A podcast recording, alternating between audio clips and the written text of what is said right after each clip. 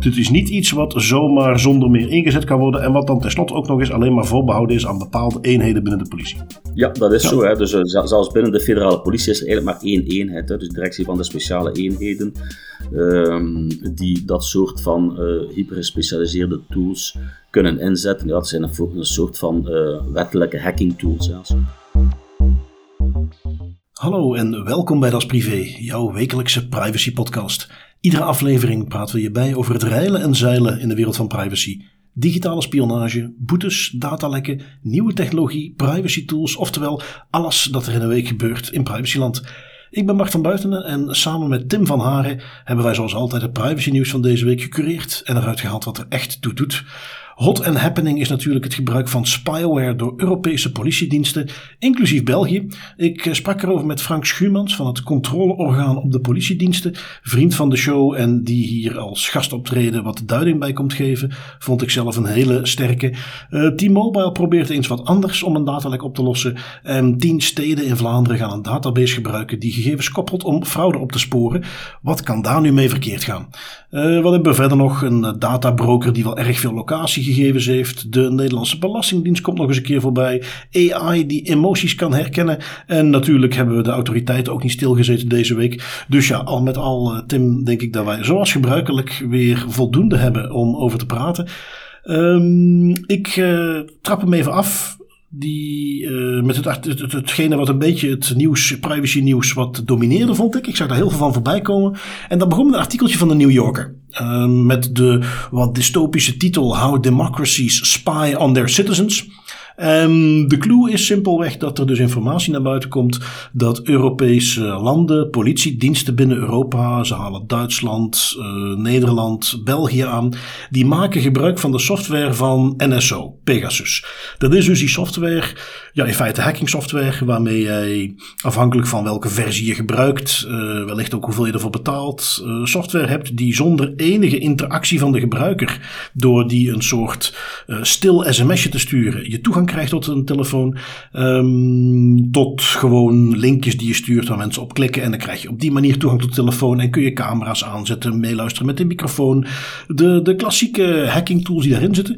NSO natuurlijk extra gevoelig, omdat die ook het nieuws hebben gehaald met de, laten we zeggen, onethische toepassing van hun software. Dat wordt niet alleen maar gebruikt door politiediensten, ook om dissidenten op te sporen. En dat is natuurlijk waar een, een belangrijk deel van de discussie over ging. Um, ik heb vervolgens op Twitter en LinkedIn hebben wij een, een poll georganiseerd. Niks bijzonders, maar gewoon even de vraag, nog even los van de ethische consequenties, hoe het wordt ingezet, maar gewoon die basale vraag: mag de politiedienst eigenlijk zo'n toeltje gebruiken? Wat vinden we daarvan? Is, is het gebruik van dat soort software überhaupt iets wat de politie zou uh, moeten gebruiken? Um, Grappig genoeg op LinkedIn uh, nog steeds uh, maar 30%. Maar vond dus 30% van de mensen van ja, dat, dat moet op zich kunnen, dat past binnen de bevoegdheden. Uh, op Twitter was dat een aanzienlijk kleiner percentage. Was dat um, ja, goh, misschien maar 14, 15%. waarbij de rest gewoon zei: nee, kan nooit. Um, er was wat discussie of ik mijn vraag voor goed genoeg gesteld had. Maar dat was in ieder geval de insteek. Los van andere contexten, zoals de inzet en zo, moet de politie überhaupt zulke tools kunnen gebruiken. Um, ik was natuurlijk benieuwd, ik heb daar zelf ook wel een mening over, maar ik was benieuwd hoe, hoe, zit dat dan exact binnen de politiediensten. En dan is natuurlijk niemand beter geplaatst om daar iets over te zeggen dan Frank Schuurmans, uh, lid van het controleorgaan op de politiediensten, dus de, de gegevensbeschermingsautoriteit voor de politie. Um, die heb ik wat vragen voorgelegd, die was ook vriendelijk genoeg om daar even een soundbite voor te leveren voor uh, de podcast. Om eens te vragen van ja, uh, mag de politie dit soort tools inzetten? Hoe gebeurt dat dan? Uh, op wat voor manier moet men daarover communiceren? Dus ja, Frank, zoals we het net al even kort over hadden, uh, die gebruik van die NSO-tools uh, of, of soortgelijke tools, spyware. Um, de eerste vraag die ik je wilde voorleggen, is dat iets wat even los van de context waarin het wordt toegepast en of daar de juiste procedures voor gevolgd worden, maar in de simpelste zin, is het een tool wat volgens jou, dat soort tools, is dat iets wat überhaupt ingezet kan worden door de politiediensten? Uh, ja, uh, het wordt sowieso, uh, het wordt ook ingezet. Hè, dus men noemt dat ehm, technische hulpmiddelen. Hè, dus eigenlijk wordt eh, de toepassing daarvan en het gebruik daarvan wordt, eh, worden geregeld in eerste instantie door het wetboek van strafvordering. Hè. Dus, dit gaat over, dus daar ga ik uiteraard van uit dat we spreken over de toepassing ervan in het kader van opsporingsonderzoeken of gerechtelijke onderzoeken, dus strafrechtelijke onderzoeken onder leiding van de magistratuur. Dus, en daar zijn de regels Ehm, duidelijk. Dus dat soort van technische hulpmiddelen, dat wordt in het wetboek ga je dus geen specificatie vinden, uiteraard, van wat dat waar, daar nu onder verstaan wordt. Hè. Uh, het wetboek spreekt altijd van, ja, de magistraat mag technische hulpmiddelen gebruiken om bijvoorbeeld een observatie te doen of om een uh, telefooninterceptie of een communicatieinterceptie te doen. Dus ja, dat uh, kan en dat wordt ook gebruikt. Hè. Ja, of dus dat, een... dat specifieke tool nu wordt gebruikt, daar durf ik mij niet over uitspreken, dat weten we niet. Maar wat ik zeker weet, en wat ook geen geheim is, is dat men technische middelen kan gebruiken om in een informatica systeem, en een smartphone is eigenlijk een informatica systeem uiteraard, om daarin binnen te dringen en die communicatie te capteren. Zit daar iets in eh, wat je nog wel eens ziet in, in de context van inlichtingendiensten, dat men een onderscheid maakt tussen het gebruik van tools die gebruik maken van bekende kwetsbaarheden en tools die van onbekende kwetsbaarheden, de zogenaamde zero days, eh, gebruik maken? Um, is dat een onderscheid wat ergens gemaakt zou worden? Of is de, de wet wat dat betreft volledig technologie-neutraal en zegt gewoon dit soort tools kunnen gebruikt worden? Nee, de wet is wat dat betreft zeer technologie-neutraal en spreekt enkel over het gebruik van technische hulpmiddelen dat wordt dan wel uh, gedefinieerd. Hè. Dus zeker wanneer het gaat over bijzondere opsporingsmethoden, maar dat is een dusdanig ruime, geen, geen, ja, zeer ruime definitie dat je daar ja, van alles kan onder.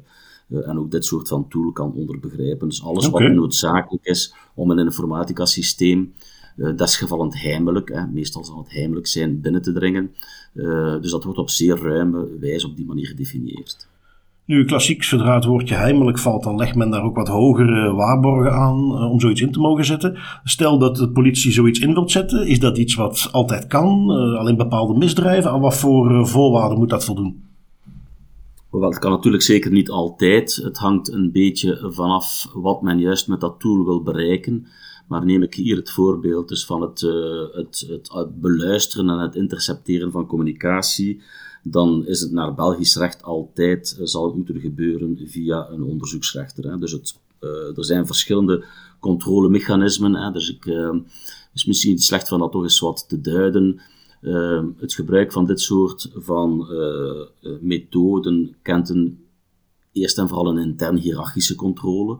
Ja, dus, dus niet eender welke politieambtenaar kan dat gebruiken. Hè. Dus dat is gereserveerd voor wat wij de bijzondere eenheden van de federale politie noemen. Dus dat is niet Jantje en Mieken, die ene keer één jaar naar de mhm. politieschool is geweest.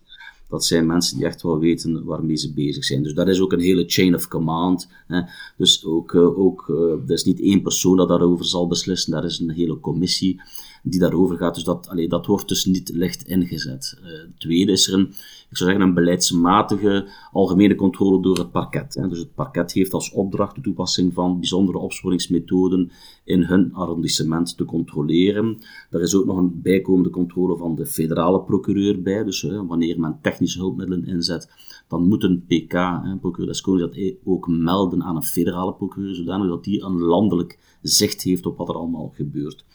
Dan, dat is dus ja, het meer beleidsmatige en het, um, dus niet de dossiermatige. Als je het dan over het echt hmm. dossiermatige controle hebt, ja, dan is de onderzoeksrechter, hè, die, die dus uh, met kennis van zaken uh, beslist uh, of hij dat soort van tool kan inzetten volgens de wet uh, en, volgens zijn, en op basis van zijn onderzoek. Hè. Dus er zijn een aantal wettelijke voorwaarden rond proportionaliteit, hè, subsidiariteit, dus het moet, uh, kan niet voor eender wat ingezet worden. En daarnaast is die onderzoeksrecht ook gebonden aan een reeks van misdrijven. Dus het kan uiteraard niet voor eender welk soort van misdrijf, het zal voor een winkeldiefstal zal het niet lukken. Hè.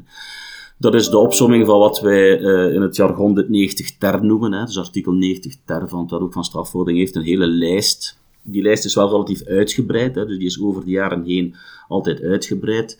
Uh, maar die, ze, ja, je kan dat eenvoudig samenvatten als de, zware, de zwaardere misdrijven. Het gaat over zware drugsdelicten, terrorisme uiteraard, georganiseerde criminaliteit, witwassen, zware financiële criminaliteit, um, uh, hormonen, uh, zware hormonencriminaliteit. Dus uh, ja, er zijn een wapenhandel. Hè, dus er zijn geloof ik een veertigtal of 41tal categorieën van misdrijven die daarvoor in aanmerking komen.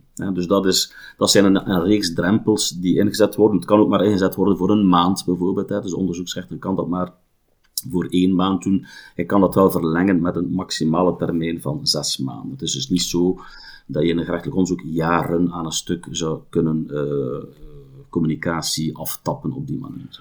Dus, dus we hebben aan de ene kant... Een van grendels. Hè. We hebben dus inderdaad aan de ene kant het meer beleidsmatige niveau, waarin men in bredere context heeft besloten, gaan we dit soort wel of niet kunnen gebruiken. Daar is dan op meerdere niveaus naar gekeken. En vervolgens heb je dan per dossier, per situatie, dat dat eigenlijk altijd, en dan alleen maar voor een aantal misdrijven voorbij een onderzoeksrechter moet passeren. Um, dus dit, om, om dat toch inderdaad, zoals jij het ook al aangaf, toch eens heel duidelijk te maken. Dit is niet iets wat zomaar zonder meer ingezet kan worden en wat dan tenslotte ook nog eens alleen maar voorbehouden is aan bepaalde eenheden binnen de politie. Ja, dat is zo. Hè. Dus uh, zelfs binnen de federale politie is er eigenlijk maar één eenheid. Hè. Dus directie van de speciale eenheden, um, die dat soort van uh, hypergespecialiseerde tools kunnen inzetten. Ja, dat zijn een, een soort van uh, wettelijke hacking tools. Hè. Als je, mm. dus dat kan. Hè. Ehm, de wet voorziet dat letterlijk. Hè. Dus dat de onderzoeksrechter uh, dat kan via allerlei mogelijke methoden, zelfs het gebruik van wat wij dan noemen de valse sleutels. Hè. Dat is een oud concept, maar dat wordt eigenlijk ook gebruikt in informatica.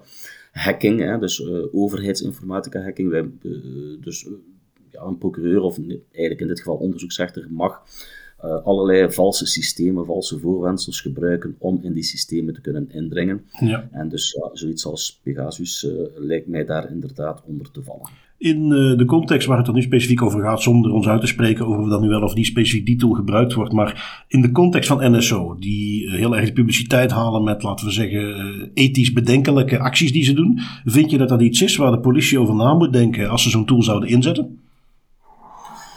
Ik vind dat niet alleen en ik weet dat ze dat ook doen. Hè. Dus ehm, ehm, het is niet zo dat een dus dat gaat ook een heel proces door. Hè. Dus de politie kan niet eender wat on the shelf gaan kopen in uh, een of ander bedrijf. Hè. Dus daar zijn uh, procedures voor.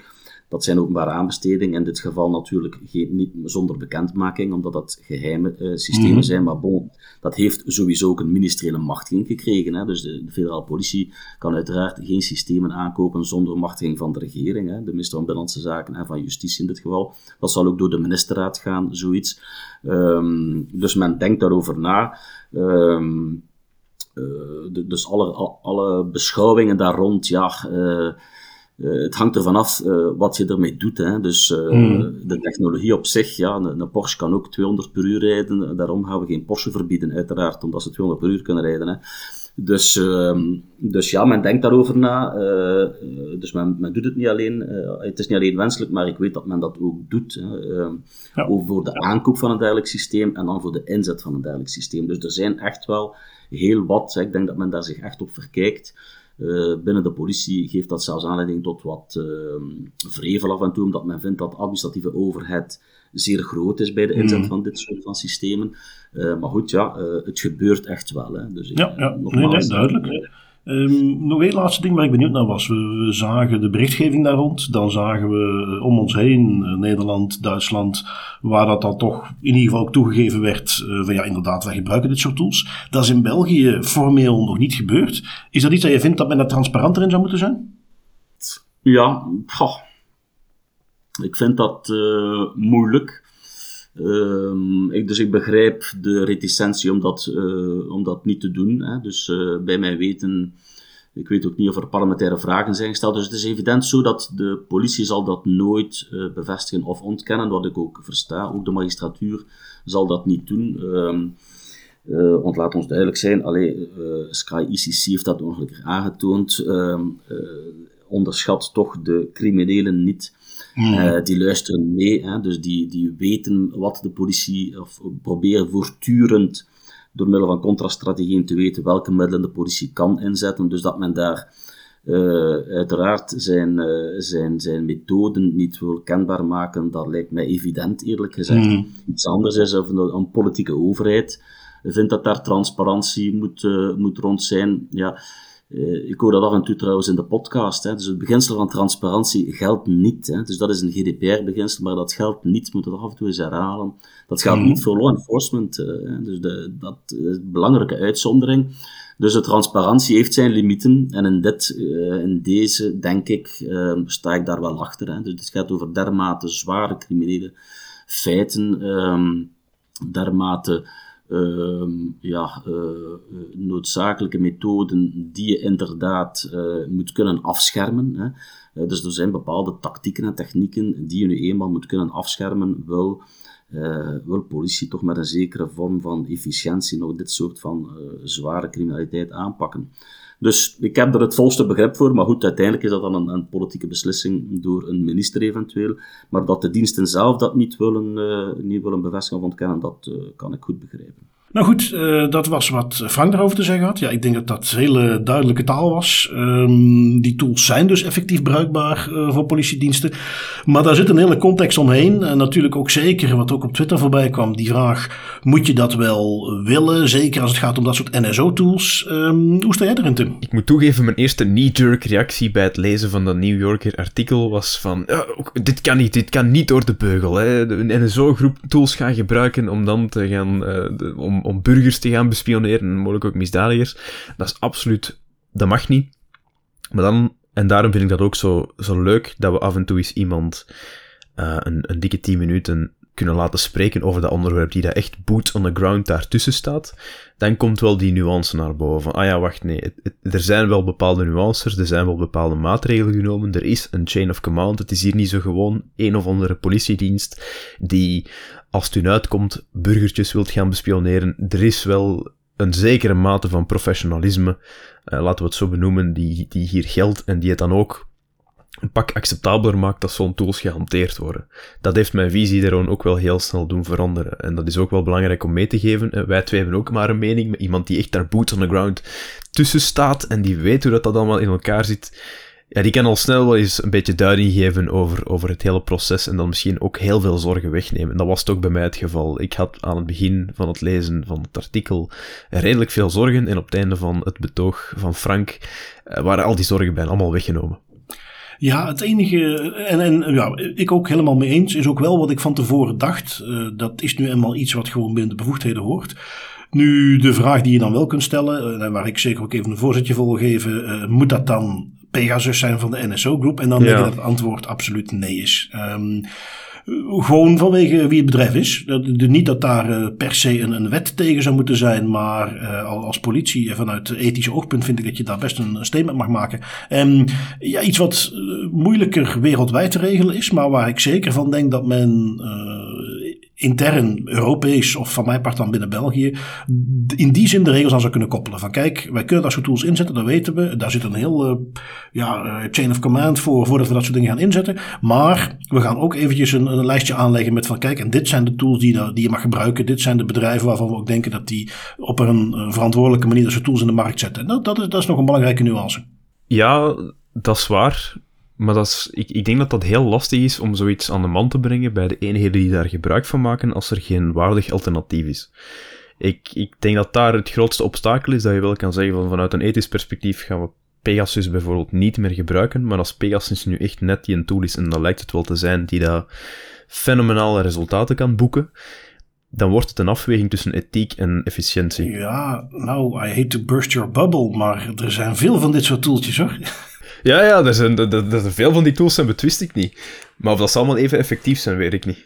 Ja, ja, ja, ja, ja, ja, toch wel. Alleen, die, die zitten wat minder in de publiciteit. Die uh, hebben heel bewust wat meer uh, de limelight gekozen. Ik denk, uh, Kandiru is zo'n, ook zo'n ander Israëlisch bedrijf.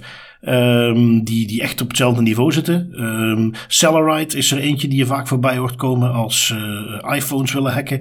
Dus ik denk, en, en, en ja, vergeet ook niet die, die um, uh, brokers die dat soort van vulnerabilities verkopen. Dat is ook echt een markt die niet te onderschatten is. En als je kijkt op het tempo waarmee men op competities zoals de, de, de Tenfu Cup in China en Pwn to Own uh, continu ieder jaar opnieuw een hele berg zero days vindt. Hè, met andere woorden, kwetsbaarheden die op dat moment nog niet bekend zijn bij de fabrikanten Ja, dan denk ik dat er echt wel, wel keuzes zijn.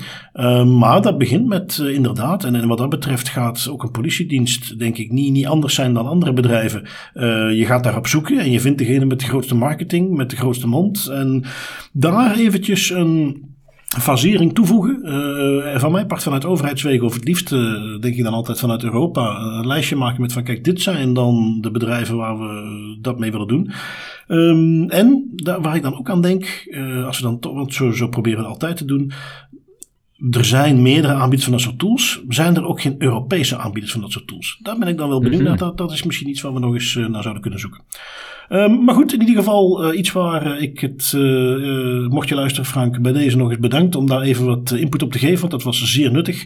En die nuance is ook wel nodig, hè, om, om toch nog eens te benadrukken. Niet iedereen kan daar zomaar doen, niet iedere lokale politiezone kan zo'n tool aanschaffen. En voor je die mag inzetten zit daar een heel verhaal tussen.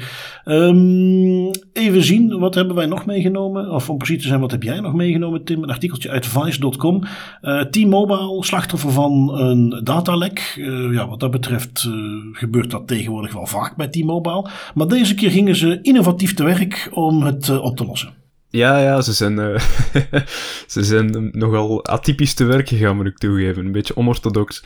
Wat er dus eigenlijk was gebeurd bij T-Mobile, zij werden vorig jaar het slachtoffer van een hack waarbij de persoonsgegevens van een dikke 30 miljoen klanten gestolen werden en te koop werden aangeboden op een darknet forum, zoals dat gebruikelijk is. Um, en de eerste reactie, toen, die toen bekend werd op dat incident, was relatief standaard. Er werd een extern bedrijf ingehuurd. Dat was dan Mandiant, toch wel een van de toppers in securityland, om zo'n aanvallen uh, te, gaan, te gaan mitigeren en te gaan behandelen. En die hebben dan ook het lek onderzocht. Um, en daar zou de kaas mee af moeten zijn, dachten we. Nu zijn er nieuwe gerechtelijke documenten gepubliceerd. En die ja, brengen toch wel een best controversiële tactiek aan het licht van T-Mobile. Uh, wat T-Mobile eigenlijk deed op een bepaald moment is waarschijnlijk in een, uh, een vlaag van paniek. Um, ze gaven een derde partij, en of het Mandiant is of niet, dat weten we niet. Maar ze gaven een derde partij de opdracht om in het geheim de hackers te betalen voor exclusief toegang tot de gestolen gegevens. Dus wat er gebeurde was, een werknemer van die derde partij deed zich voor als een potentiële koper uh, op het dark web forum en kocht op, de Raid Forums heette dat forum, kocht een sample van de gestolen gegevens voor 50.000 dollar in bitcoin, om eerst en vooral te verifiëren dat het wel effectief ging om de gegevens van T-Mobile.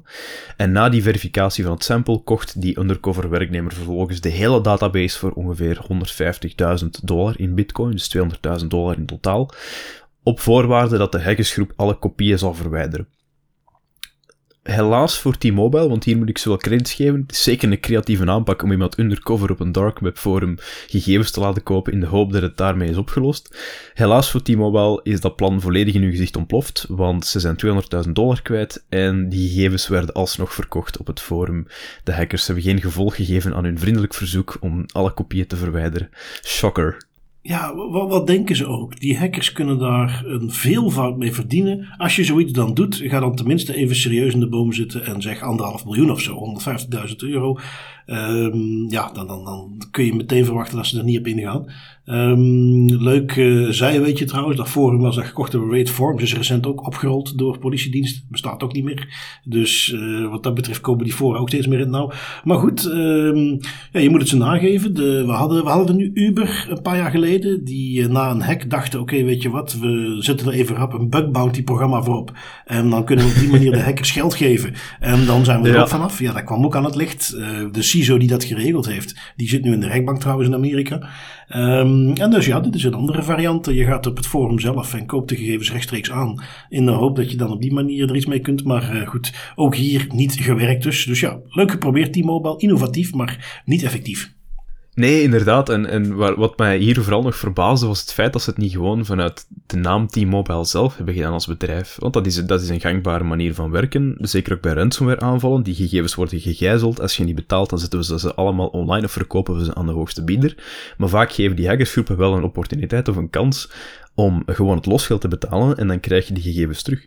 Ja, maar het is ook wel de klassieker dat in dat soort situaties men er dus een derde partij bij haalt. Echt een, een onderhandelaar of iemand, eh, een partij gespecialiseerd zoals Mandiant trouwens in incident response.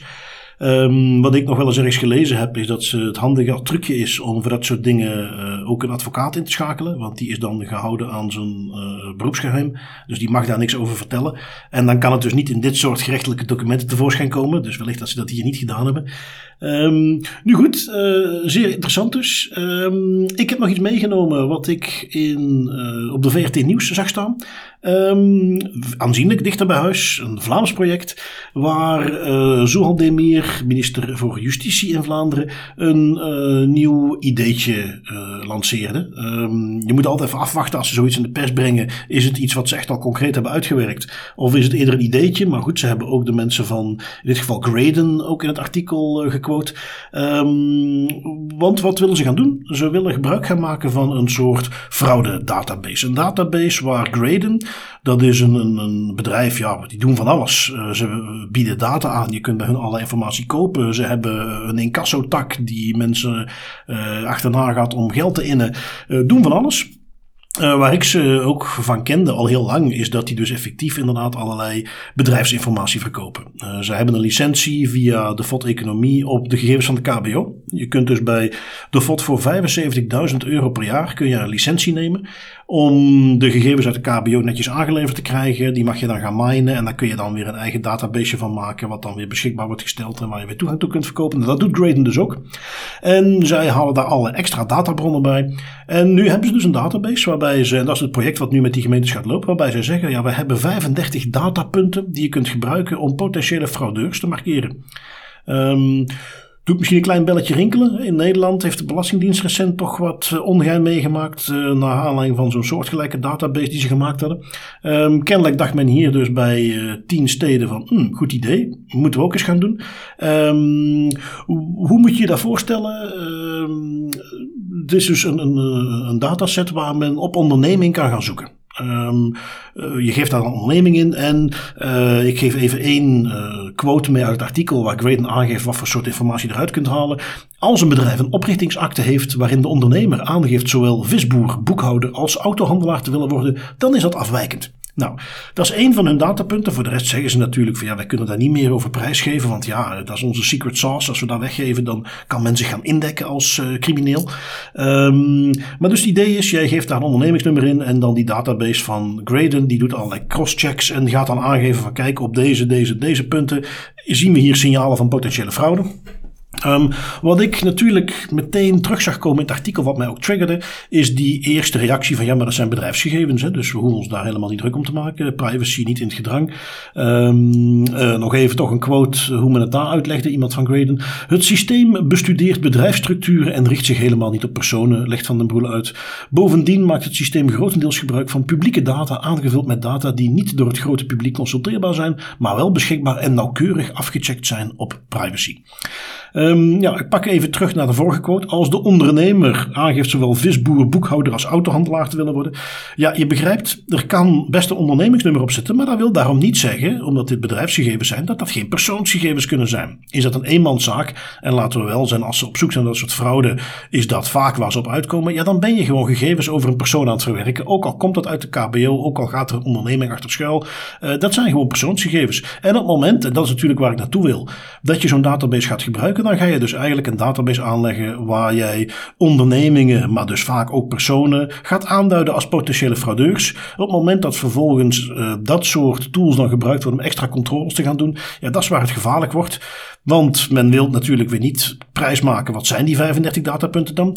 Ja, als daar iets bij zit van uh, nationaliteit van de ondernemer, of uh, gezinssituatie, of uh, inkomen van de voorbije x aantal jaar, of noem maar op. Um, dat is waar het gevaarlijk wordt. Dat is natuurlijk ook waar het bij de Nederlandse Belastingdienst helemaal verkeerd ging. Um, want niets menselijks is ook de ambtenaren bij zo'n gemeente vreemd. Als ze zo'n database hebben, gaan ze die gebruiken en dan gaan ze daar ook op sturen. En dan kom je dus in de situatie waar het nu verkocht wordt van ja, maar het is maar een instrument om een, het is een extra datapunt. Dat betekent helemaal niet dat men daarop blind moet gaan voeren, maar dat is wat er praktisch gebeurt. Um, ja, goed. Uh, wat doen wij dan als dat is privé? Want dit is natuurlijk erg interessant om eens te kijken hoe heeft men daarmee omgegaan. Want je zou kunnen zeggen van Bart, wat, wat zit je weer te zeuren? Die gemeenten gaan ongetwijfeld uitgebreid gekeken hebben naar de privacyrisico's, hebben wellicht ook een data protection impact assessment uitgevoerd, hebben allerlei maatregelen genomen om de risico's te beperken. En dit project kon gewoon doorgang vinden. Nou, ik wil niet liever dan dat dat waarheid is. Um, ik heb dan ook natuurlijk meteen tien aanvragen openbaarheid van bestuur ingediend om die DPIA's te zien. Maar uh, wat denk jij dat ik ga aantreffen? ik, uh, ik, ik denk dat we iets cynischer moeten zijn, dat het niet zo positief zal zijn en dat we wel eens een aantal uh, schendingen gaan kunnen aantreffen. Ja, ja, ja, wellicht. wellicht. Goed, wellicht dat het dan betekent dat die PIA niet uitgevoerd is. Hè. Goed, ze hebben 15 dagen de tijd, we zullen zien. Um, misschien dat dit weer zo'n voorbeeldje is waar nu we dat gaan navragen, men zegt van ja, ja, dat is wel in de pers geweest, maar goed, dat is allemaal nog niet zo eh, duidelijk. We weten zelfs eigenlijk helemaal niet of we dit gaan doen. Ik weet het niet, maar ik vond het wel weer frappant dat men dan toch weer op deze manier zoiets wilt gaan aanpakken. Toch weer zo'n fraude database. Uh, ik heb ook in het mailtje wat ik ze dan stuurde voor de openbaarheid van bestuur, kon ik het niet nalaten om eventjes de boete van 3,7 miljoen voor de Belastingdienst in Nederland mee te geven. Uh, om te hinten van ja, zo'n fraude-database, daar kan wel eens een reukje aan zitten. Yes, indeed. En dat is, dat is meteen ook waar ik aan dacht toen ik het artikel zag staan tussen de show notes van really? Gaan we dit nu echt doen? We hebben net, net het, is, het, is, het is geen jaren geleden, hè? we hebben het net gezien bij de Belastingdienst in Nederland dat daar wel eens problemen van kunnen komen als je dat niet op een transparante en privacyvriendelijke manier aanpakt. En dan denken we dat we het hier beter gaan kunnen doen. Ja, I don't think so. En ik denk ook inderdaad, dat het belooft al niet veel goeds dat ze het proberen witwassen door te zeggen van ja, maar ja, maar het zijn geen persoonsgegevens, het zijn ondernemingsgegevens, want achter ondernemingen zitten geen ondernemers. Ja, dat is een logica die al absoluut niet opgaat. Hè. Dus ik ben heel benieuwd hoe dat er dat die verzoeken gaat komen. Ik denk niet veel. Ja, nou ja, dan weten we ook genoeg natuurlijk. En dan weet ik ook wat er tot nu toe ja. iedere keer gebeurde. Dan gaat men ineens oh ja, verdorie, dat moeten we ook nog doen. En dan schiet men in actie. En dan hebben we ons doel ook bereikt, hè. Ja, dat is waar. Dat is waar. We gaan misschien wel een paar DPO's boos maken omdat we heel hun agenda om zeep hebben geholpen, maar it's for a good cause. Oh, in mijn ervaring wil die DPO's wat dat betreft niet liever. Uh, de reactie, goh Bart, ja bedankt, uh, want ik was hier niet eens van op de hoogte. die zal er wellicht ook een paar keer tussen zitten hier. Um, nu eentje, ja kijken naar een regio waar men überhaupt geen DPO's heeft, die daarbij betrokken worden, hebben we natuurlijk Amerika. En uh, een, een, stevig artikeltje uit Wired, waar men iets aanhaalt, ja, wat we op zich al wel vaker gezien hebben, maar toch nog eens, uh, ja, om het zo tastbaar voorbij te zien komen. Uh, het gebruik van gezichtsherkenning en wat daarmee verkeerd kan gaan, die heb jij meegenomen. Ja, wat kan er verkeerd gaan met gezichtsherkenning? heel veel, blijkbaar. Amerika, land of the free, tenzij je wordt opgepikt door een facial recognition camera. Wat er daar eigenlijk gebeurd is, en nu, wat we hier gaan doen, is gaan even inzoomen op wat uh, het, meer het menselijke aspect van facial recognition, die niet goed werkt of niet goed is afgestemd. En wat dat artikel eigenlijk aanhaalt, zijn drie cases van foute gezichtsherkenning en de gevolgen daarvan voor de drie personen die betrokken zijn bij wat dan uiteindelijk verkeerde arrestaties bleken. Um, de eerste van die cases was Robert Williams. Die is eigenlijk opgepikt in zijn voortuin voor het stelen van horloges nadat facial recognition tech hem had geïdentificeerd als de dader heeft daarvoor 30 uur vastgezeten in de cel. Zijn kinderen zijn getraumatiseerd, eh, ondertussen ook al bang van de politie en is uiteindelijk vrijgelaten omdat een Instagram live video aantoonde dat hij helemaal niet op de plaats delict was. De volgende, Niger Parks, uh, beschuldigd van een gewelddadige winkeldiefstal. En ze hebben hem kunnen vatten omdat de, de echte dader een fake rijbewijs had achtergelaten op de plaats delict. Foto van de rijbewijs werd dan door een facial recognition database gehaald en Parks werd geïdentificeerd als een high-profile match kreeg daarvoor, werd daarvoor eigenlijk tien dagen lang in hechtenis gehouden, onterecht. En wat het daar interessant aan is, is die vent had een drugverleden. En de beschuldigingen die hem boven het hoofd hingen waren zo hoog dat hij misschien zelfs 25 jaar zelfstraf zou krijgen als hij effectief beschuldigd werd, als hij, als hij schuldig werd verklaard. Dus die overwoog in die 10 dagen ook om een plea deal te sluiten. Om puur om strafvermindering te krijgen. Ook al was hij effectief onschuldig, maar gewoon het effect al van ik zit hier vast, facial recognition heeft mij aangewezen als de dader psychologisch was dat ook al een heel groot effect voor die man. Uiteindelijk, eind goed al goed, ja, eind goed al goed is misschien groot, hij werd vrijgelaten en de aanklachten werden ingetrokken nadat een screenshot van een Western Union transfer aantoonde dat hij 50 kilometer van de plaats delict was. Dus slecht politiewerk van die mensen, want dat is iets dat je toch veel sneller zou kunnen, kunnen achterhalen. Hè? Ja, en dan, dan zit je alweer in de situatie van je moet je onschuld gaan aantonen in plaats van de schuld moet aangetoond worden. Hè? Dat is totale waanzin. Ja, ja, en ik zei eind goed al goed, maar dat is eigenlijk absoluut niet waar bij die man, want uh, deels door die arrestatie en het feit dat hij er dan zo lang mee heeft zitten sukkelen. Ehm, is hij niet meer samen met zijn verloofde? Waren er zijn vrienden en familie die verdeeld geraakten of dat hem effectief wel het had niet of wel had gedaan. Dus dat heeft echt een gigantische impact gehad op die vent leven, puur omdat een algoritme hem verkeerd had aangeduid. Ja, dat is, dat is waanzin. En dan de laatste, Michael Oliver, gearresteerd tijdens een verkeerscontrole. Nadat facial recognition hem had geïdentificeerd als degene die aan het vechten was op een vechtpartij. Um, een screenshot van een vechtpartij. Maar die en Olivier, Oliver die was op het werk toen de vechtpartij plaatsvond. En zijn advocaat kon gelukkig gehakt maken van de beschuldiging, want Oliver stond vol tattoos en de man op de beelden helemaal niet. En uh, ja, ik bedoel, dit is Amerika. Ik vind het jammer dat we dat moeten benoemen, maar uh, niet te missen. Dit waren alle drie zwarte mannen. Dat maakt yes. het natuurlijk nog extra triest. Ja. En, en, en, dat men die facial recognition dan gewoon op die manier blijft inzetten. Hè? En ook geheel op zijn Amerikaans. Het is niet van, god, we hebben een hit. Laten we dat eens even gaan onderzoeken. We noteren dat. We gaan wat uh, speurwerk doen. We gaan inderdaad even, zelfs iedere journalist weet ook, we moeten twee onafhankelijke bronnen hebben voordat we iets gaan vermelden. Uh, nee, we gooien die meteen de bak in. Het, dat, ja, ongelooflijk. En uh, Tim, ik denk dat je hem gewoon eventjes moet zeggen. Thank God for GDPR. Juist. dat, is, oh, dat, is echt, dat is zo waar. Hè. En het, dat klopt volledig wat je zegt. Hè. Die twee bronnen. Um, hier heeft men blind vertrouwd op facial recognition om drie mannen hun leven te ruïneren. En dat is, dat is ontzettend schadelijk voor de maatschappij als dat op deze manier blijft duren. En wat je zegt ook, hè, um, aan het feit dat het, dat het net drie zwarte mannen zijn. Ja, daar zijn twee aspecten aan verbonden. Aan de ene kant het racisme dat nog altijd heerst in Amerika, daar kan je niet rond. Langs de andere kant, het is ook al heel veel bewezen dat facial recognition technologie het heel lastig heeft om mensen met een donkere huidskleur juist te identificeren. Veel lastiger dan mensen met een blankere huidskleur. Dus ook dat speelt mee en ook dat wordt daar niet in acht genomen. Ja, ja, ja. Nee, en uh, ik uh, wou dat we dan van een uh, dystopisch Amerikaans verhaaltje door konden gaan naar een minder dystopisch verhaaltje. Of eens een keer zo'n verhaaltje uit Europa. Maar ik pak gewoon door met een net zo dystopisch verhaal uit Amerika over een databroker. Um, dit bedrijf heet Anomaly 6. Is een artikeltje van The Intercept wat ik heb meegenomen. Um, hoe te, ze gaan daar op allerlei aspecten in. Maar het punt wat ik even specifiek wilde aanhalen is hoe ze beschrijven hoe Anomaly 6 zijn software verkoopt. Um, die hebben dus niet gewoon een databroker waar je data kunt verkopen. Ze hebben er namelijk echt een, een product van gemaakt. Um, Anomaly 6 beweert dat zij 3 miljard toestellen in bijna real-time kunnen volgen.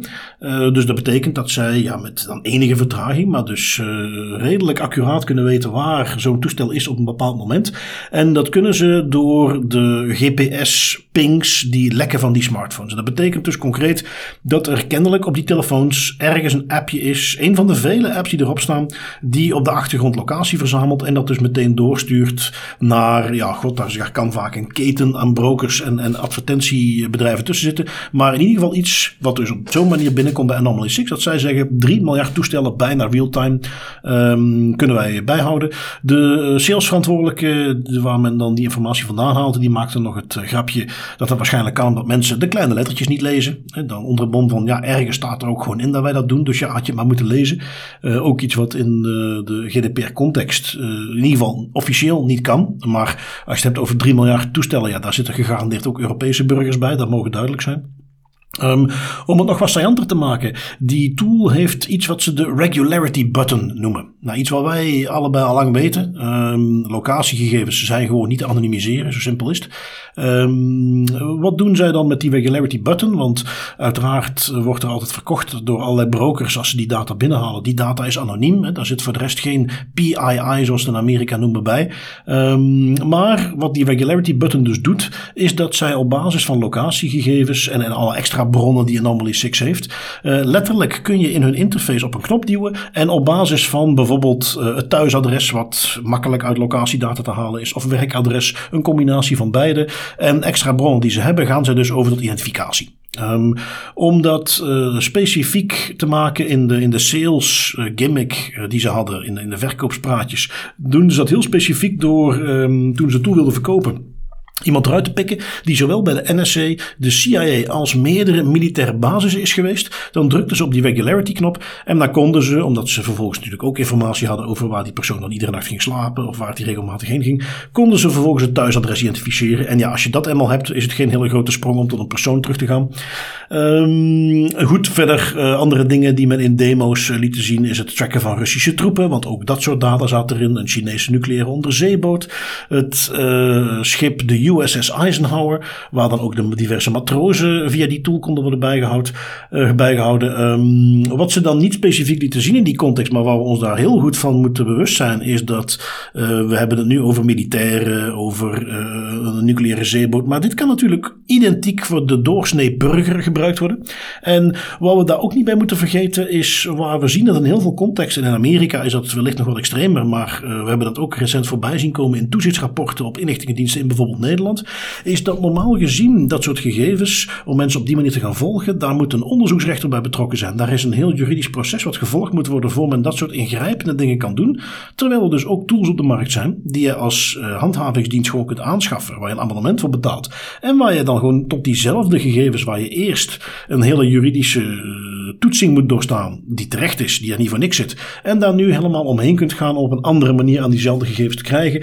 En ja, daarom dat ik zei, uh, enigszins dystopisch, want ja, zover zijn we dus al met al die databases en al die data die gedeeld wordt, dat je dit soort bedrijfjes hebt met zo'n soort product. Ja, ja, klopt. En is, uh, is meteen ook een van de vele redenen waarom dat wij allebei ook zeggen van, ja, kijk, het anonimiseren van data wordt moeilijker en moeilijker. Want hoe groter uw dataset en hoe meer informatie dat die databrokers verzamelen, hoe lastiger het argument om te zeggen dat een bepaalde dataset anoniem is. Want je moet, het is een kwestie van zoveel mogelijk data bijeen krijgen om daar een bepaald patroon in te vinden of een bepaalde manier om toch iemand eruit te gaan pikken. En het feit dat ze er eigenlijk al mee uitpakken dat je dat kan doen, dat zegt ook al genoeg. Hè? Want uiteindelijk, het gaat hier niet over een paar gigabyte aan data. Het zijn echt exorbitante hoeveelheden data waar men mee speelt en die men verkoopt aan Jan en Alleman als je maar genoeg geld hebt. Ja, het, doet mij denken aan een artikeltje waar jij ook had uh, getagd, uh, waar we zo'nzelfde soort bedrijf hadden. Dat was dan wel meer gericht op voertuiggegevens, uh, die we destijds alles meegenomen hadden in de podcast toen ze het nieuws haalden. Waarin die ook altijd riepen, ja, wij hebben anonieme gegevens, geen probleem. En ik geloof, ja, de reden waarom jij het artikeltje meenam, is omdat daar ondertussen weer een, een evolutie te melden valt. Ja, ja, inderdaad. Daar is ondertussen een class action lawsuit uitgekomen in Amerika. Uh, misschien nog even de context daarvan meegeven. Het gaat over Autonomo, een Israëlisch bedrijfje, ook een databroker die zich specialiseert in inderdaad autogegevens, car data. Uh, wat die doen is, die hebben een aantal overeenkomsten met autofabrikanten om hun data uit hun auto's te kunnen verzamelen en dan in bruikbare vormen te genereren en, en dan terug te gaan verkopen. Uh, en dan spreken we in een grootorde van ongeveer 16 fabrikanten, goed voor 4,3 miljard datapunten per dag en de locatiegegevens van 50 miljoen auto's. Dus dat is ook een serieuze, gigantische dataset die ook maar blijft groeien. En zij beweerden altijd wel, um, ja, we verzamelen veel data, maar we doen het wel op een anonieme manier. We gebruiken pseudonymisering, anonimisering, data blurring engine, allemaal door elkaar om ervoor te zorgen dat de privacy van de mensen die wij targeten gewaarborgd blijft. Um, de cruciale fout die zij hebben gemaakt is, zij hadden een uh, sample een live sample van de data die zij verzamelen, online gezet als een soort van demo van kijk, als je betaalt, dan krijg je dit. En daar was uh, Motherboard opgesprongen. En die hebben de proef op de som genomen en die hebben van die set data zijn die eens gaan kijken van oké, hoe gemakkelijk is het nu om iemand eruit te pikken, om iemand te gaan identificeren. En dat was een dataset van 10.000 locatiepunten. En die hebben eigenlijk heel erg snel specifieke voertuigen kunnen volgen in de tijd en zo dus het adres van een bepaalde persoon kunnen vinden. En dan nog maar in een dataset van 10.000 punten. Je moet je eens voorstellen wat dat is in 4,3 miljard datapunten per dag. Daar komt daarom nu een class action lawsuit naar boven. Er is een man in California die kocht een BMW X3, waar dus ook een toestel in zat van Autonomo, om uh, dat voertuig real-time te tracken en data te genereren. En volgens die man werd er nergens toestemming gevraagd, werd er nergens geïnformeerd over het feit dat Autonomo dat doet. En uh, zelfs dat is in Amerika, en zeker in California, ja, wel iets waar eens een class action lawsuit over kan komen en wat ze ook waarschijnlijk gaan winnen. Ja, en dat doet me denken, dat is een beetje de klassieker in privacyland, uh, dat onderzoek al uit 2013, hè, waarin ze destijds van uh, 15 maanden celdata met mobiliteitsgegevens van anderhalf miljoen mensen, daar hebben ze onderzoek op gedaan.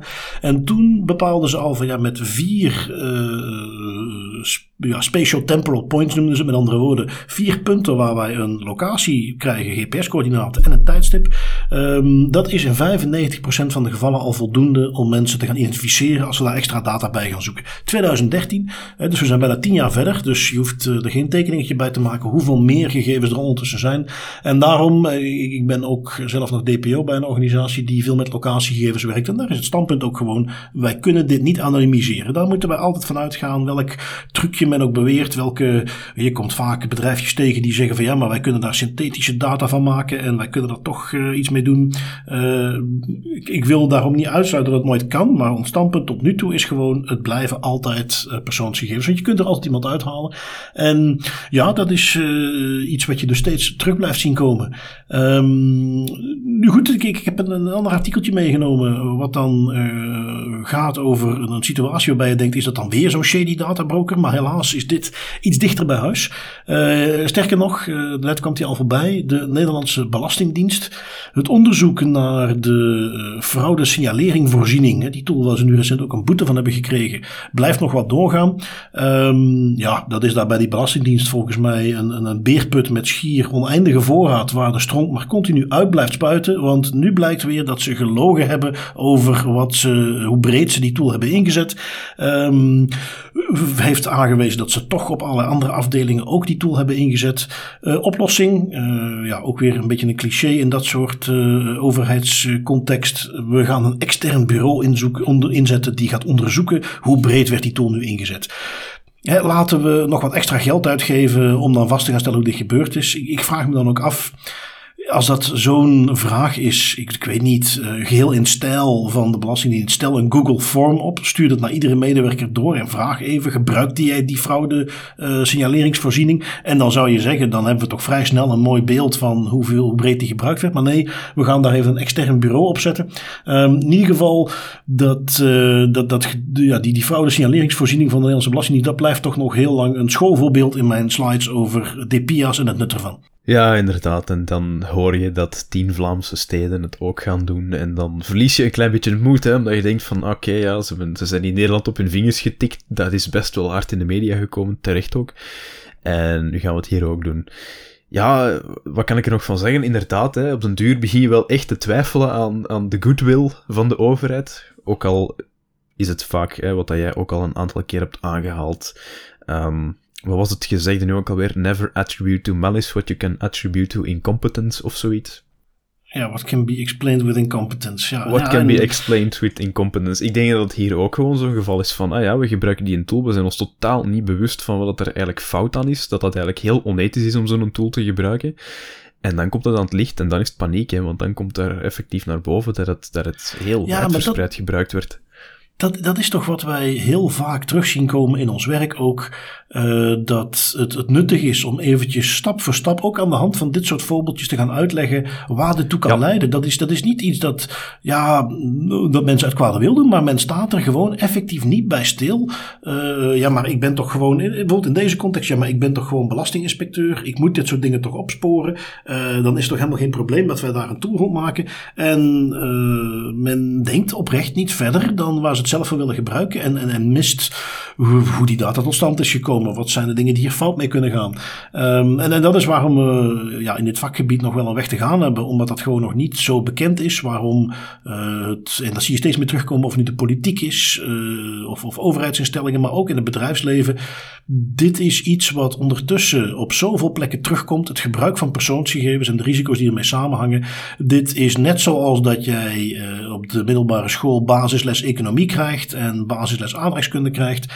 zit men nu te discussiëren van goh, moeten we een soort, ik geloof dat in Nederland is, digitale geletterdheid op school mee gaan nemen. Ja, natuurlijk moet je dat. Hoe kun je nu in deze tijden zoiets niet in het curriculum hebben zitten? En natuurlijk hoort daarbij te zitten aspecten van privacy en een, een basiskennis. Niet alleen van hoe bescherm ik mijn eigen privacy, maar gewoon basisbegrip. Wat komt er allemaal bij kijken? Dat is iets wat volgens mij echt eh, standaard bij het curriculum zou moeten horen.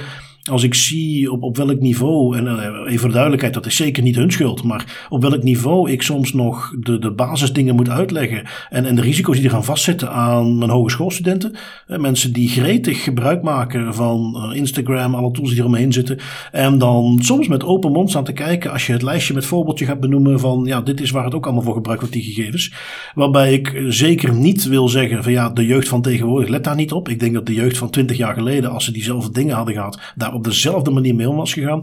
Maar wat je wel ziet is dat we daar uh, flink achterlopen met hoe we ze voorbereiden op wat er allemaal mee gebeurt. En daar mogen we echt wel uh, iets mee gaan doen. Ja, inderdaad. Een, heel een cruciaal element van, van die digitale geletterdheid en van die voorbereiding is ook op een bepaald moment gewoon kunnen toegeven dat er iets fout is gelopen en gaan onderzoeken waarom het is fout gelopen, inderdaad. Hè. Zoals met die uh, fraude signalering tool hoe kan het dat dat tot dat punt is gekomen dat mensen effectief getroffen worden in de meest negatieve zin, terwijl het eigenlijk gewoon een overheid is die haar job probeert te doen? Dan, ziet dat, dan zit daar echt een discrepantie in het doel en de manier hoe het wordt aangepakt. En dat moet men gaan onderzoeken. Ja, nee, inderdaad, inderdaad. Um, gaan we even door op een uh, iets ander thema. Uh, kijk dan nog heel eventjes naar oorlogsgebied, Oekraïne. Uh, daar heeft men een advies uitgebracht intern om het gebruik van drones, en om precies te zijn DJI, de Chinese drones, om die niet meer te gaan gebruiken. Tim, je had meegenomen, waarom is dat? Ja, wel, um, het is zo, en dit, moet je dus wel, misschien al meteen een disclaimer, neem alles wat ik nu ga zeggen, maar met een serieuze korrel zout. Maar er is in Oekraïne dus effectief een advies uitgebracht om te stoppen met het gebruik van DJI-drones en de apparatuur, want die zou niet veilig zijn en zou volgens de Oekraïnse overheid gesaboteerd worden door DJI, wat dat uiteindelijk een Chinees bedrijf is en dus een bondgenoot van Rusland. Nu, waar gaat het om? Uh, het gaat eigenlijk specifiek om een bepaald platform, een drone-detectieplatform genaamd Aerospace, dat dronecommunicatieverbindingen uh, identificeert, informatie verzamelt over vluchtstatus van drones, etc. Uh, basically, dat detecteert of er drones rondvliegen en of die daar effectief wel kunnen en mogen rondvliegen of niet. Uh, Aeroscope is een systeempje dat zowel door Oekraïne als door Rusland is geïnstalleerd en wordt gebruikt binnen eigen landsgrenzen om kritieke infrastructuur te beschermen, en wat Oekraïne opstoten is dat volgens hun verhaal vanaf het begin van de oorlog de Oekraïnse aeroscopes zouden kampen met glitches en technische problemen. En dat wordt nu effectief gelinkt aan mogelijke sabotage, sabotage door DJI.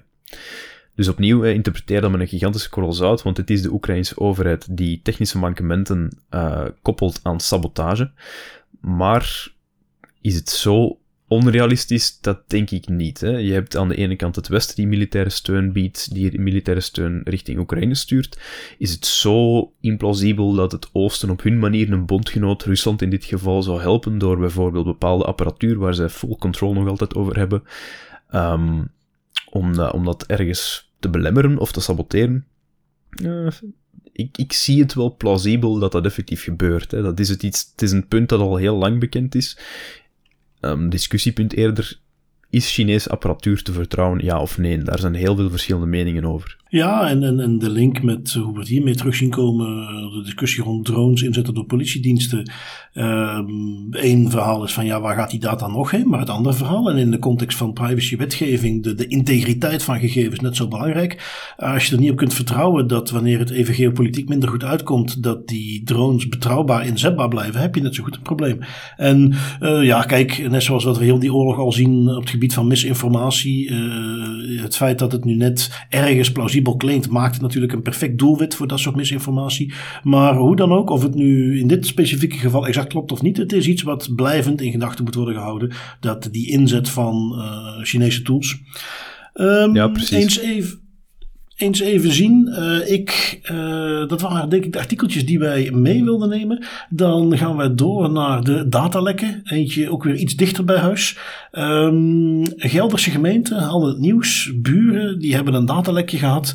Maar dat datalek begint nog een flink staartje te krijgen. Ja, ja we, moeten hem, we gaan hem kort even meepakken, hè, want er is nog niet zo heel veel naar buiten gekomen. Dat zal de volgende week wel zijn. Um, maar nu al een teaser. De gemeenten Buren en Neder-Betuwe, ik hoop dat ik dat juist uitspreek, Betuwe. zijn het slachtoffer geworden. Betuwe, oké, okay, sorry Nederlandse luisteraars. Die twee gemeenten die zijn het slachtoffer geworden van een ransomware-aanval, waarbij volgens de dader een dikke 5 terabyte aan gegevens is buitgemaakt. En van die 5 terabyte opnieuw staat er nu een, een, een sample, 130 gigabyte online, als een soort van voorproef in dat potentiële kopers eens kunnen gaan kijken van ja, wat ga ik nu eigenlijk allemaal kopen als ik dat effectief aanschaf, die, die dataset. Gemeente Buren heeft die, uh, die dataset van 130 gigabyte ook te pakken gekregen. En die kun, zijn dus daar nu door aan het gaan en het analyseren. En ze kunnen nu al bevestigen dat het onder meer gaat om ja, gevoelige persoonsgegevens en vertrouwelijke informatie. Allemaal dingen die je net niet wilt te lekken.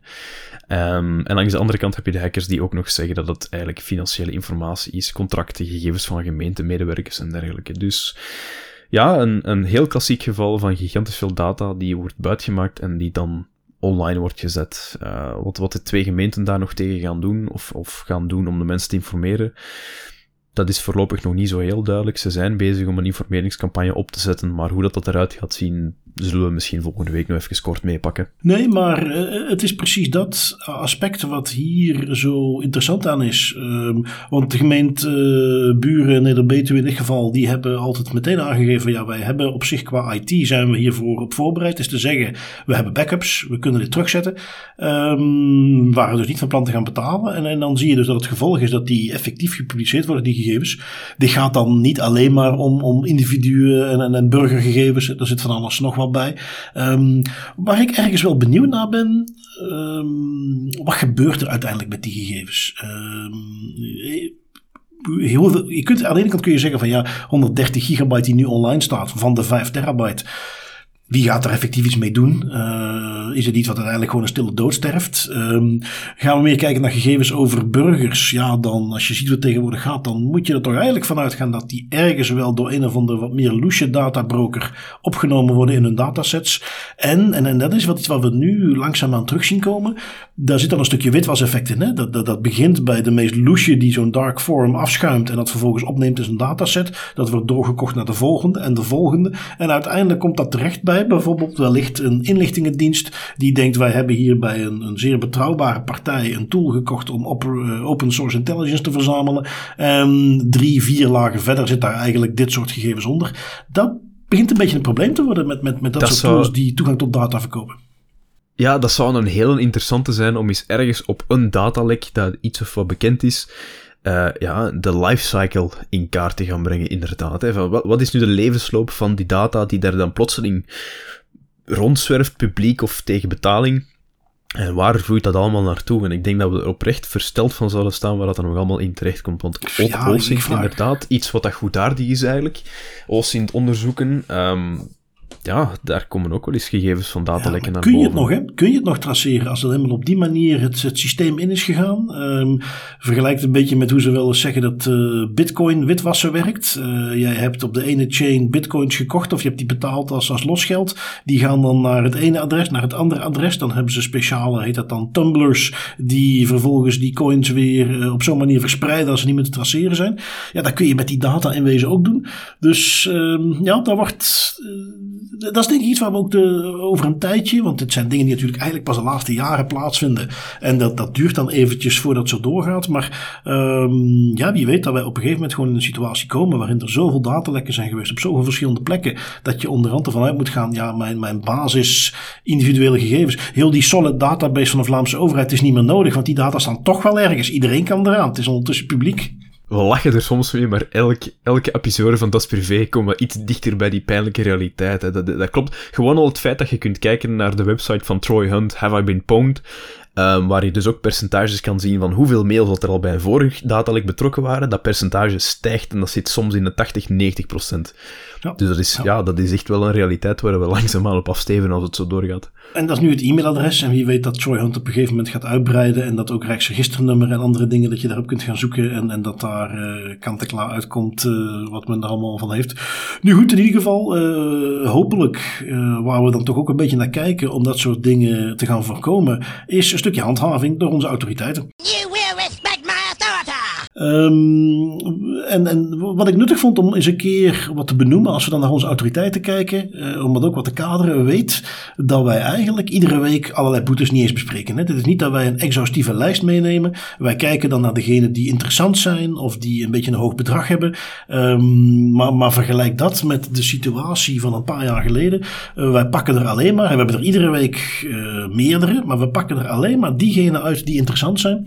Um, ja, ik vond dat toch nuttig om daar wat uh, specifiek bij stil te staan. Het gaat natuurlijk niet per se om de boetes, uh, maar wel om handhaving. En als je dan op die manier even naar terugkijkt, ja, hoezo? Dat lees je wel eens terugkomen. GDPR heeft niets veranderd. Uh, men gaat nog steeds waardeloos met onze data om.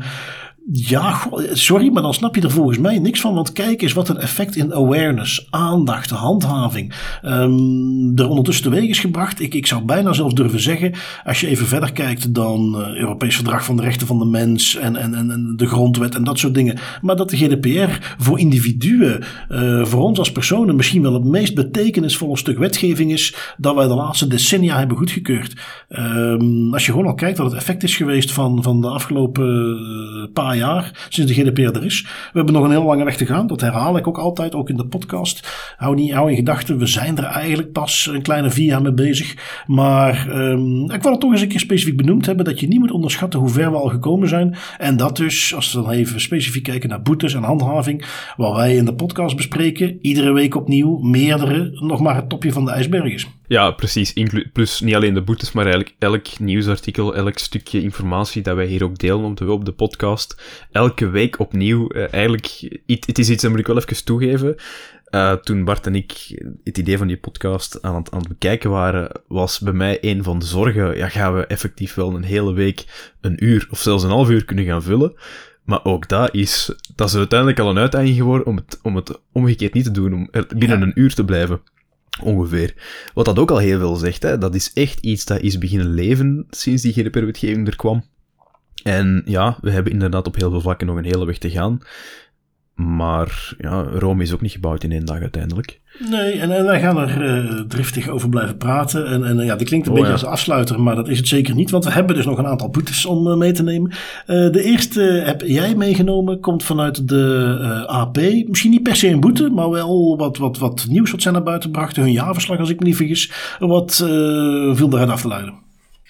Uh, het, is, het is niet een jaarverslag, maar het is eigenlijk een uitspraak die de AP heeft gedaan. Ze zijn kritisch over een, een nieuw stukje wetgeving dat er in Nederland komt. Hè, want Nederland, ze gaan het blijkbaar echt nooit leren. Hè.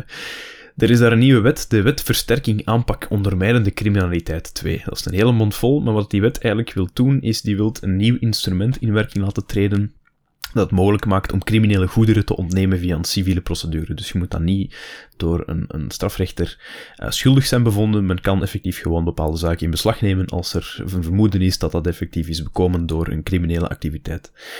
Uh, wat het dus, het Openbaar Ministerie moet dus enkel aannemelijk kunnen maken dat bijvoorbeeld een auto of een woning of een horloge of zo afkomstig is uit een misdrijf en dan is die persoon zijn eigendom kwijt.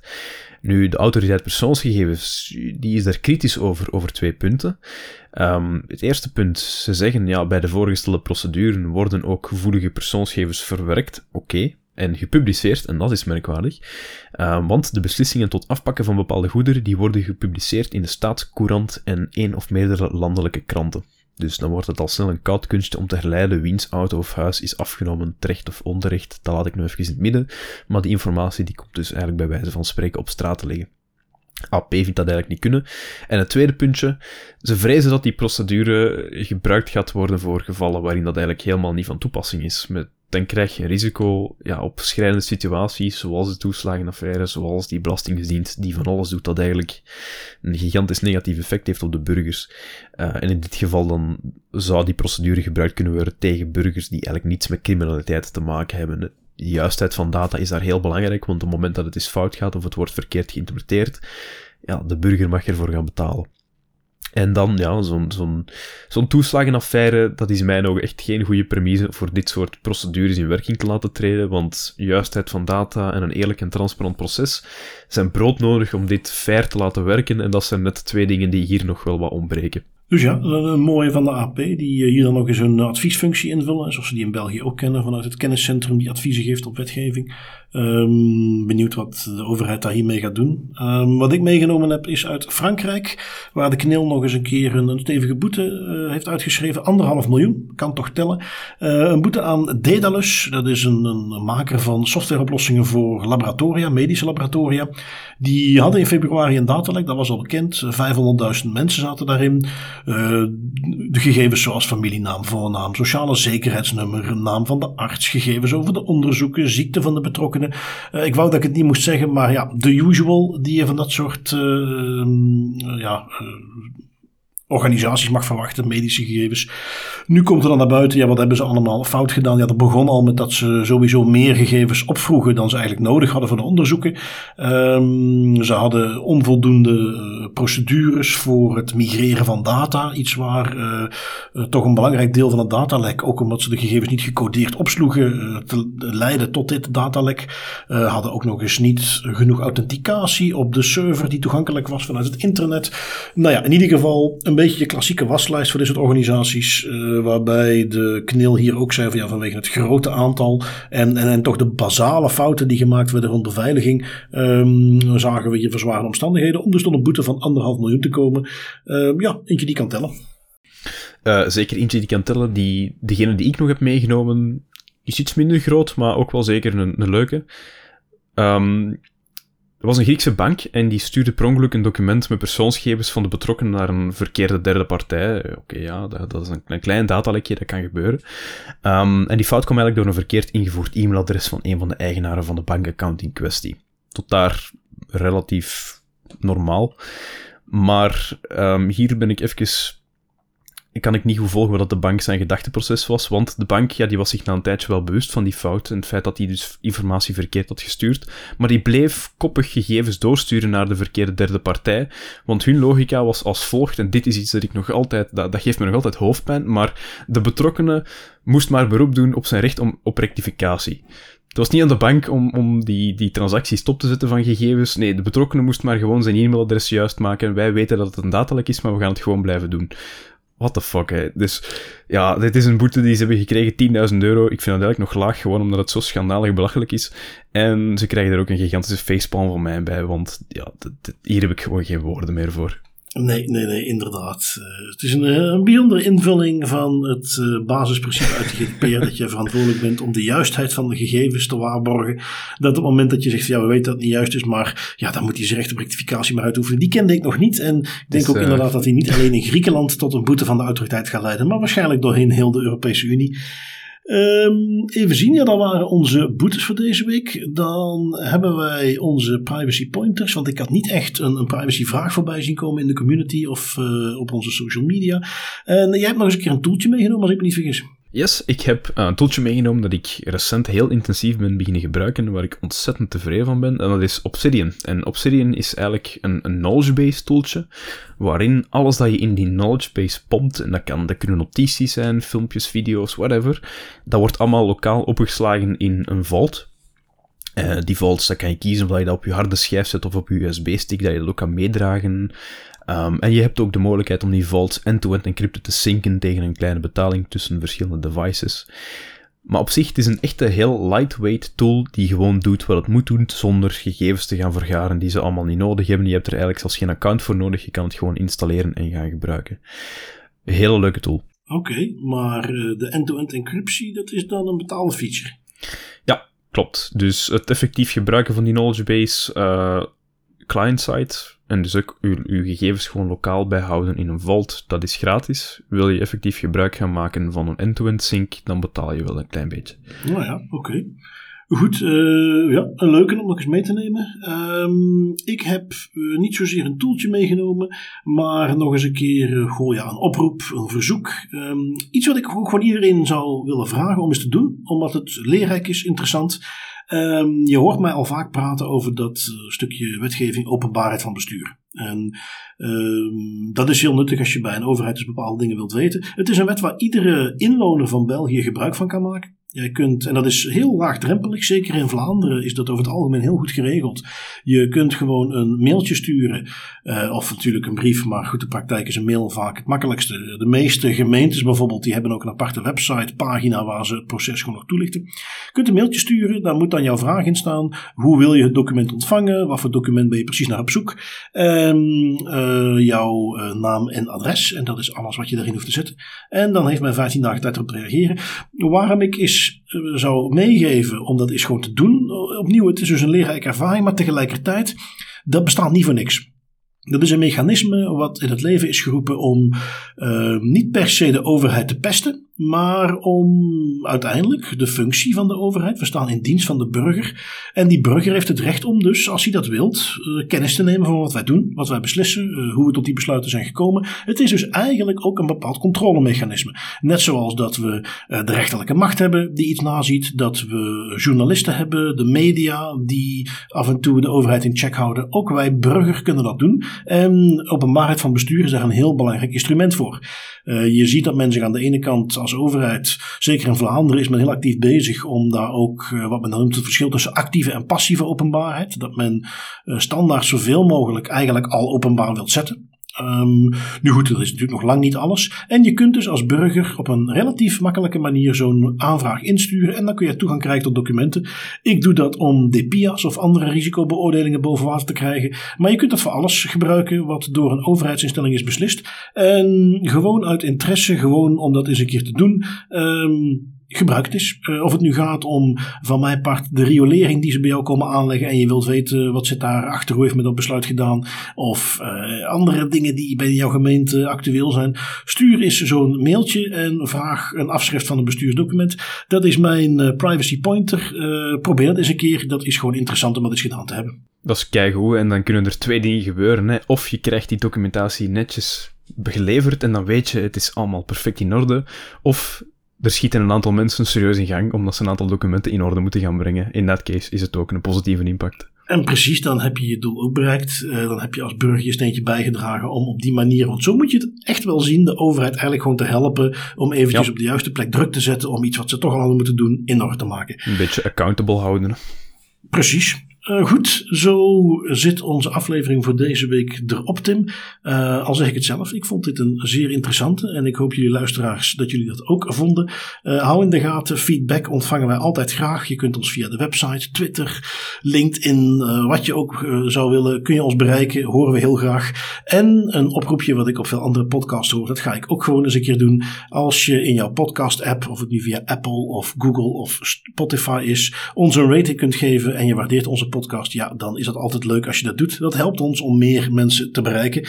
Um, Tim, jij ook weer bedankt voor deze week en wij spreken elkaar volgende week weer. Zoals altijd, met heel veel plezier en tot volgende week. Tot volgende week.